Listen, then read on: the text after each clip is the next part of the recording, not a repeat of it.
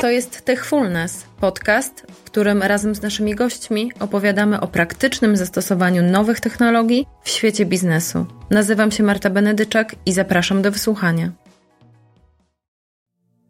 Według naszego dzisiejszego gościa współczesnym przemysłem rządzi informatyka. Spośród szeregu rozwiązań cyfrowych, jakie wpisują się w pojęcie czwartej rewolucji przemysłowej, na tapet wzięliśmy dzisiaj przemysłowy internet rzeczy. Z Arturem Nowocieniem, który wspaniale potrafi wyjaśnić i odczarować zawiłe wątki tematu digitalizacja, porozmawiam m.in. o tym, czym i dla kogo jest IIoT oraz jakie korzyści ze sobą niesie. Techfulness technologie, uczucia i biznes.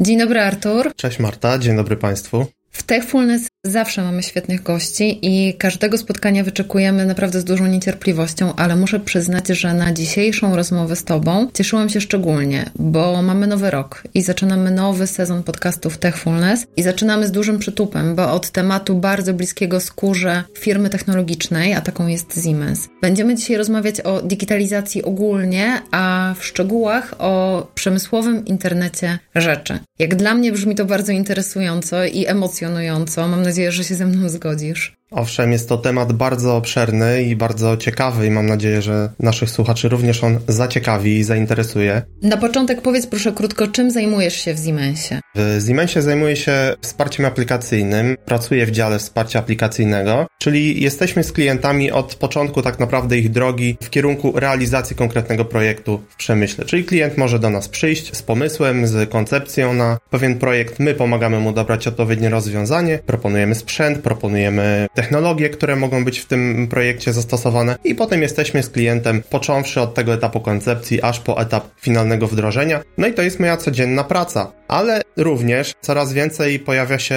u nas tematów digitalizacyjnych, tematów, które noszą przynajmniej znamiona digitalizacji, które dotyczą integracji tych konwencjonalnych, standardowych systemów automatyki z systemami informatycznymi i to jest też działka, którą się zajmuje już dodatkowo poza realizacją tych projektów przemysłowych. Wiem, że po godzinach digitalizacja zajmuje Ci sporo czasu. Czy to dlatego postanowiłeś napisać książkę wydaną z końcem ubiegłego roku 2022? Książka pod tytułem Digitalizacja w systemach automatyki Zimatic. Tak, był to oczywiście jeden z powodów, dla którego napisałem tą książkę, bo poza tym, że zajmuję się digitalizacją zawodowo, jest to też pewnego rodzaju pasja, która pojawiła się w moim życiu kilka lat temu, kiedy te tematy, tematy związane z przemysłem 4.0 zaczęły być wdrażane na rynku i zaczęły być popularne, ale głównym celem, który przyświecał mi pisząc tą książkę, był po prostu brak podobnej pozycji na rynku. Bardzo często trafiały do nas zapytania od klientów, zapytania związane z pewnymi technologiami, pewnymi rozwiązaniami i po prostu chciałem dostarczyć naszym partnerom, naszym naszym klientom pewien pakiet wiedzy, pakiet wiedzy w pigułce, opisanej językiem prostym, językiem łatwym do przyswojenia, tak naprawdę wiedzy dotykającej tych rozwiązań, które w tym momencie są najbardziej kluczowe, jeśli chodzi o digitalizację, o digitalizację w przemyśle, głównie tutaj w branży produkcyjnej. Przygotowując się do naszego dzisiejszego spotkania, zajrzałam oczywiście do książki i we wstępie do niej piszesz, że głównym celem, jaki ci przyświecał, było odczarowanie pojęcia digitalizacja i udowodnienie, że technologie, które się wpisują w digitalizację, wcale nie są zarezerwowane wyłącznie dla specjalistów IT. Dlaczego uważasz, że to pojęcie digitalizacja wymagało odczarowania? Dla wielu przedstawicieli firm inżynierskich tak naprawdę pojęcie digitalizacji jest do tej pory, takie przynajmniej mam wrażenie, pojęciem troszkę marketingowym i że nasi klienci nie do końca widzą korzyści, które mogą z tej digitalizacji płynąć. I w książce właśnie chciałem przedstawić konkrety, konkretne technologie, konkretne przykłady, konkretne use cases, jak tą digitalizację można wdrożyć, z jakich mechanizmów można skorzystać, żeby ta digitalizacja przeszła z tego etapu marketingowego pojęcia do etapu rzeczywistych projektów, do etapu rzeczywistych korzyści, które mogą z niej potem w tych projektach płynąć. Do książki jeszcze dzisiaj wrócimy, ale teraz chciałabym już przejść do właściwego tematu naszej dzisiejszej rozmowy, czyli przemysłowego internetu rzeczy. Bo obszarów i technologii w ramach przemysłu 4.0 jest wiele. Oczywiście nie jesteśmy w stanie się skupić na nich wszystkich, dlatego postanowiliśmy porozmawiać o jednym wybranym. Czy na wstępie możesz przybliżyć termin IIoT, czyli Industrial Internet of Things? Oczywiście i tutaj wyprzedzając troszkę fakty chciałbym powiedzieć, że te technologie, o których mówisz Marta, one również wpisują się w koncepcję internetu rzeczy, bo chciałbym, żeby wybrzmiało, że przemysłowy internet rzeczy nie jest pojedynczą technologią. To jest zbiór pewnych technologii, które składają się na konkretną koncepcję, konkretne zagadnienie, które dotyczy po prostu przetwarzania i analizy danych, bo sam internet rzeczy czy przemysłowy internet rzeczy polega tak naprawdę na integracji pewnych systemów fizycznych, mowa tutaj o urządzeniach, o maszynach, o czujnikach, o wszelkiego rodzaju komponentach, które składają się na system automatyki, z systemami informatycznymi, systemami, które dokładają do tej niskiej warstwy sterującej pewną dodatkową inteligencję, której nie możemy zaimplementować bezpośrednio na poziomie chociażby sterowników PLC. Czy tak w związku z tym w uproszczeniu możemy powiedzieć, że to jest integracja internetu z maszynami, z urządzeniami linii produkcyjnych, całych systemów przemysłowych? Dokładnie tak. I bardzo się cieszę, że wybrzmiało tutaj słowo internet, dlatego że to słowo internet nie bierze się tutaj znikąd, tak? Dlatego koncepcję nazywamy internetem rzeczy, ponieważ podstawowym założeniem jest to, że te systemy IT, o których mówiliśmy, z którymi integrujemy nasze systemy niskopoziomowe, zazwyczaj powinny być zaimplementowane właśnie na poziomie poziomie globalnej sieci internet. Ponieważ sam fakt integracji pewnych systemów IT, pewnych systemów, które pracują na poziomie przedsiębiorstwa, nie jest nowością. I firmy produkcyjne, firmy inżynierskie robią to już od bardzo dawna, zanim jeszcze zaczęto nawet mówić o koncepcji przemysłu 4.0. Natomiast tutaj możemy mówić bardziej o intranecie rzeczy, czyli o przetwarzaniu danych na poziomie całkowicie lokalnym, czyli bardzo hermetycznie, w sposób bardzo zamknięty. No i wówczas do takich danych nie mamy zbyt łatwego dostępu bez wnikania niejako w sieć korporacyjną, co nie zawsze jest dobre, chociażby ze względów bezpieczeństwa. Czy w związku z tym dobrze rozumiem, że IIoT jest zatem takim wyjściem na zewnątrz? Dokładnie tak. IIoT integruje nam pewne urządzenia, zarówno między sobą, jak i z systemami, które po prostu zlokalizowane są poza przedsiębiorstwem. Po co w ogóle inwestować w te technologie, w szereg tych technologii, które wpisują się w IIoT? To jest pytanie, które powinni sobie zadać również przedstawiciele firm produkcyjnych, bo tutaj chciałbym może troszkę paradoksalnie odpowiedzieć, ale nie zawsze jest oczywiście sens. Jak każda technologia, tak samo i technologie, które wpisują się w pojęcie internetu rzeczy, powinniśmy przeanalizować i zastanowić się, czy ich stosowanie, czy wejście w ogóle w te technologie przyniesie nam jakiekolwiek korzyści, a tymi korzyściami mogą być chociażby oszczędności, które wygenerujemy, jeśli odpowiednio przeanalizujemy dane związane chociażby ze zużyciem energii, ze zużyciem mediów, jeśli przeanalizujemy sposób pracy naszych maszyn czy naszych instalacji przemysłowych i na podstawie tej analizy możemy wyciągnąć mnóstwo ciekawych wniosków, które następnie mogą posłużyć chociażby do usprawnienia pewnych procesów, do optymalizacji pewnych procesów, a co się z tym wiąże? Wygenerowania oszczędności. No ale jeżeli uważamy, że w naszej firmie wszystko działa w jak najlepszym porządku, zoptymalizowaliśmy już pewne procesy w sposób może troszkę mniej scyfryzowany, ale jednak, no to powinniśmy się zastanowić, czy na pewno gromadzenie danych i, i przetwarzanie tych danych właśnie w celu optymalizacji, w celu generowania oszczędności ma sens. W większości przypadków tak, dlatego też ten temat poruszamy jako temat kluczowy we współczesnym przemyśle. Czyli zgodzisz się z tym, że współcześnie w ostatnim czasie coraz więcej firm zaczyna inwestować w rozwiązania IIoT?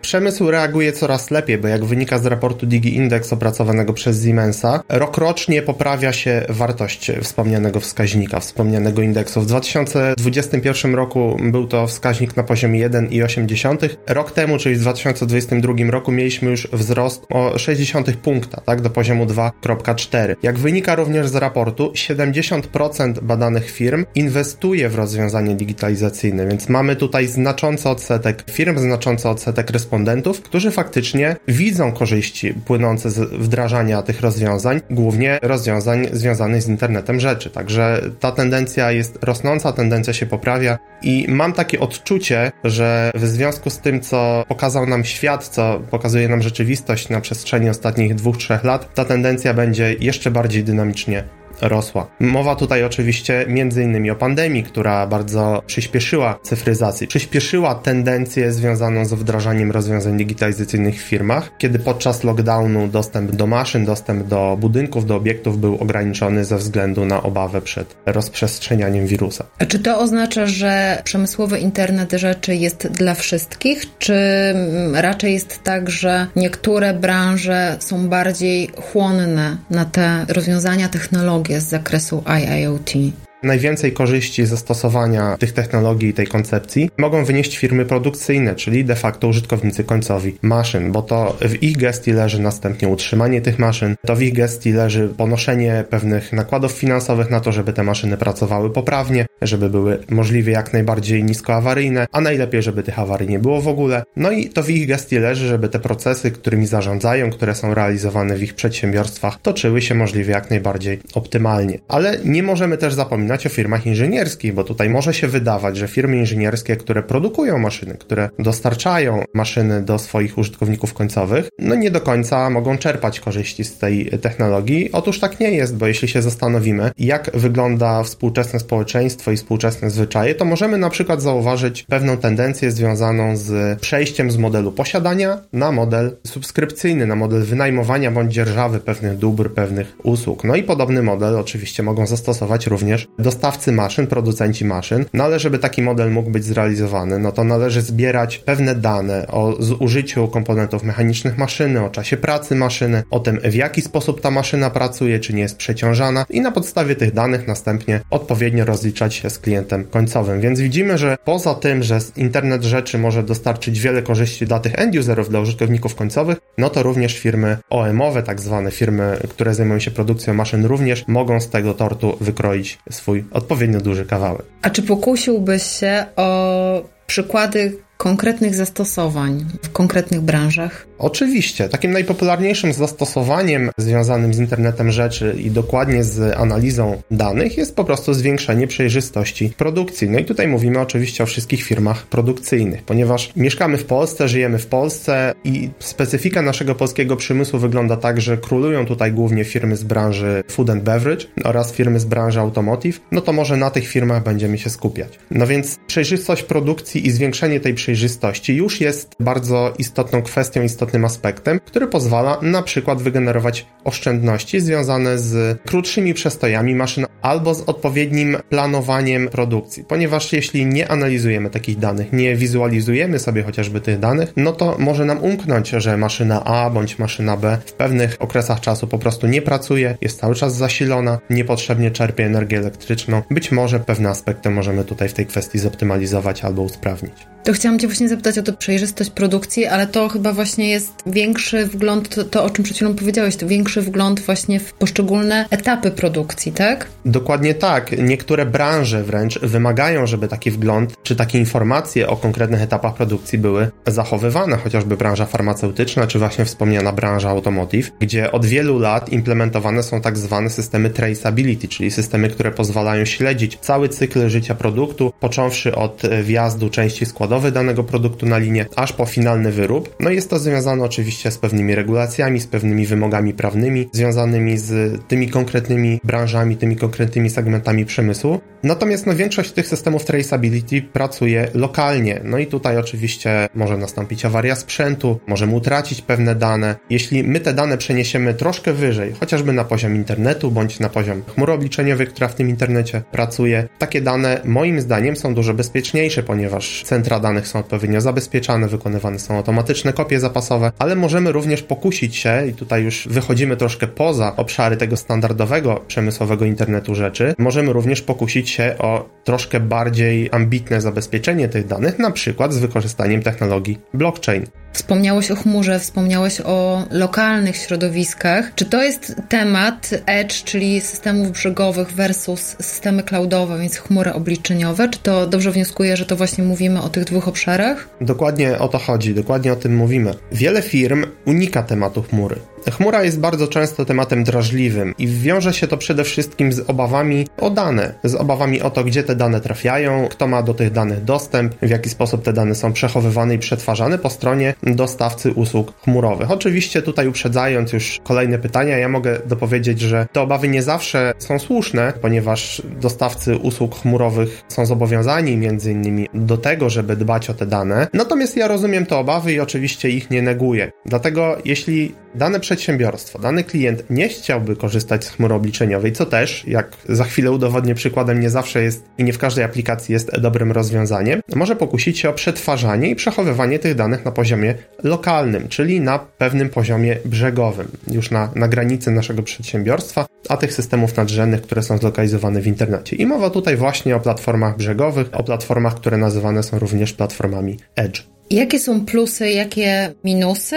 Czy jeżeli o minusach w ogóle możemy mówić każdego z tych rozwiązań? I jak najlepiej w obszarze przemysłowego internetu rzeczy agregować dane według Ciebie? Jeśli mówimy o platformach brzegowych, czyli o tych systemach e, Semantic Industrial Edge, no niewątpliwym plusem jest to, że dane nie wychodzą poza granice naszego przedsiębiorstwa. Więc tutaj temat ochrony tych danych tak naprawdę możemy pominąć. Oczywiście my również jesteśmy zobowiązani do tego, żeby nasze dane chronić, chociażby ze względu na zdrowy rozsądek rozsądek, bo jeśli nie są to dane osobowe, to tylko ten zdrowy rozsądek ma tutaj znaczenie. No ale to bezpieczeństwo danych e, bądź obawy związane z tym, gdzie te dane są przechowywane, jak one są przetwarzane, możemy tutaj już zlikwidować. Kolejnym aspektem jest to, że pewne procesy, pewne aplikacje mogą wymagać przetwarzania danych na poziomie lokalnym, na przykład wtedy, kiedy te dane są wykorzystywane w pewnego rodzaju algorytmach, modelach matematycznych, których wyniki mają następnie wpływać na proces. I tutaj chciałbym teraz porównać platformy brzegowe do platform chmurowych na podstawie przykładu. No weźmy za przykład produkcję klocków hamulcowych, czyli takiego produktu, który ma bardzo duży wpływ na nasze bezpieczeństwo, musi być możliwie jak najwyższej jakości. No niestety produkcja tych wyrobów jest dość kosztowna, chociażby ze względu na ilość energii, która jest wykorzystywana w procesie spiekania środków chemicznych, które składają się później na gotowy wyrób. No i żeby zadbać o odpowiednią jakość tak skomplikowanego wbrew pozorom produktu, no nie zawsze jesteśmy w stanie zastosować rozwiązania konwencjonalne, więc bardzo często sięgamy na przykład po algorytmy sztucznej inteligencji. Natomiast minusem tych algorytmów jest to, może nie minusem, ale wyzwaniem związanym z tymi algorytmami jest to, że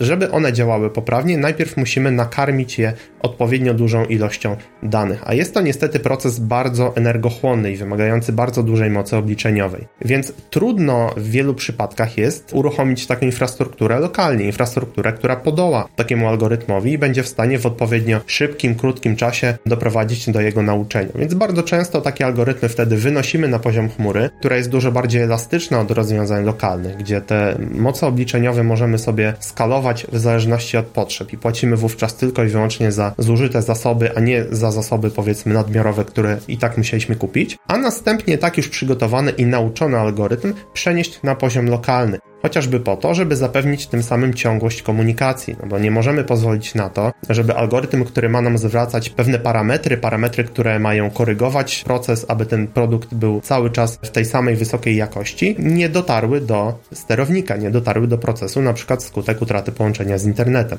W kontekście platform edge'owych, a w zasadzie jednej konkretnej platformy, bo chciałbym powiedzieć w dwóch słowach na temat rozwiązania oferowanego przez Siemensa, mamy jeszcze dodatkową zaletę, a tą zaletą jest brak wymagań, brak konieczności posiadania wiedzy związanej chociażby z developmentem, z tworzeniem pewnych rozwiązań informatycznych. Platforma Zimatic Industrial Edge może być porównana do telefonu komórkowego. Telefonu, którego tak naprawdę funkcjonalność uzależniona jest tylko i wyłącznie od aplikacji, które na tym telefonie zainstalujemy. I w podobny sposób działają działają komputery brzegowe, komputery edge'owe dostarczane przez Siemensa. Są to gotowe platformy. Mamy sklep z aplikacjami, w którym dostępne są aplikacje zarówno bezpłatne, jak i aplikacje płatne, które mogą być po prostu pobrane bądź zakupione i w łatwy i szybki sposób zainstalowane, uruchomione i skonfigurowane bezpośrednio na urządzeniu przy pomocy prostych interfejsów graficznych. Więc przenosimy tutaj pewne zagadnienia związane z wdrażaniem aplikacji informatycznych na bardzo niski, bardzo prosty poziom, z którym poradzą sobie bez problemu również osoby, które po prostu nie posiadają posiadają wysokiej ekspertyzy z zakresu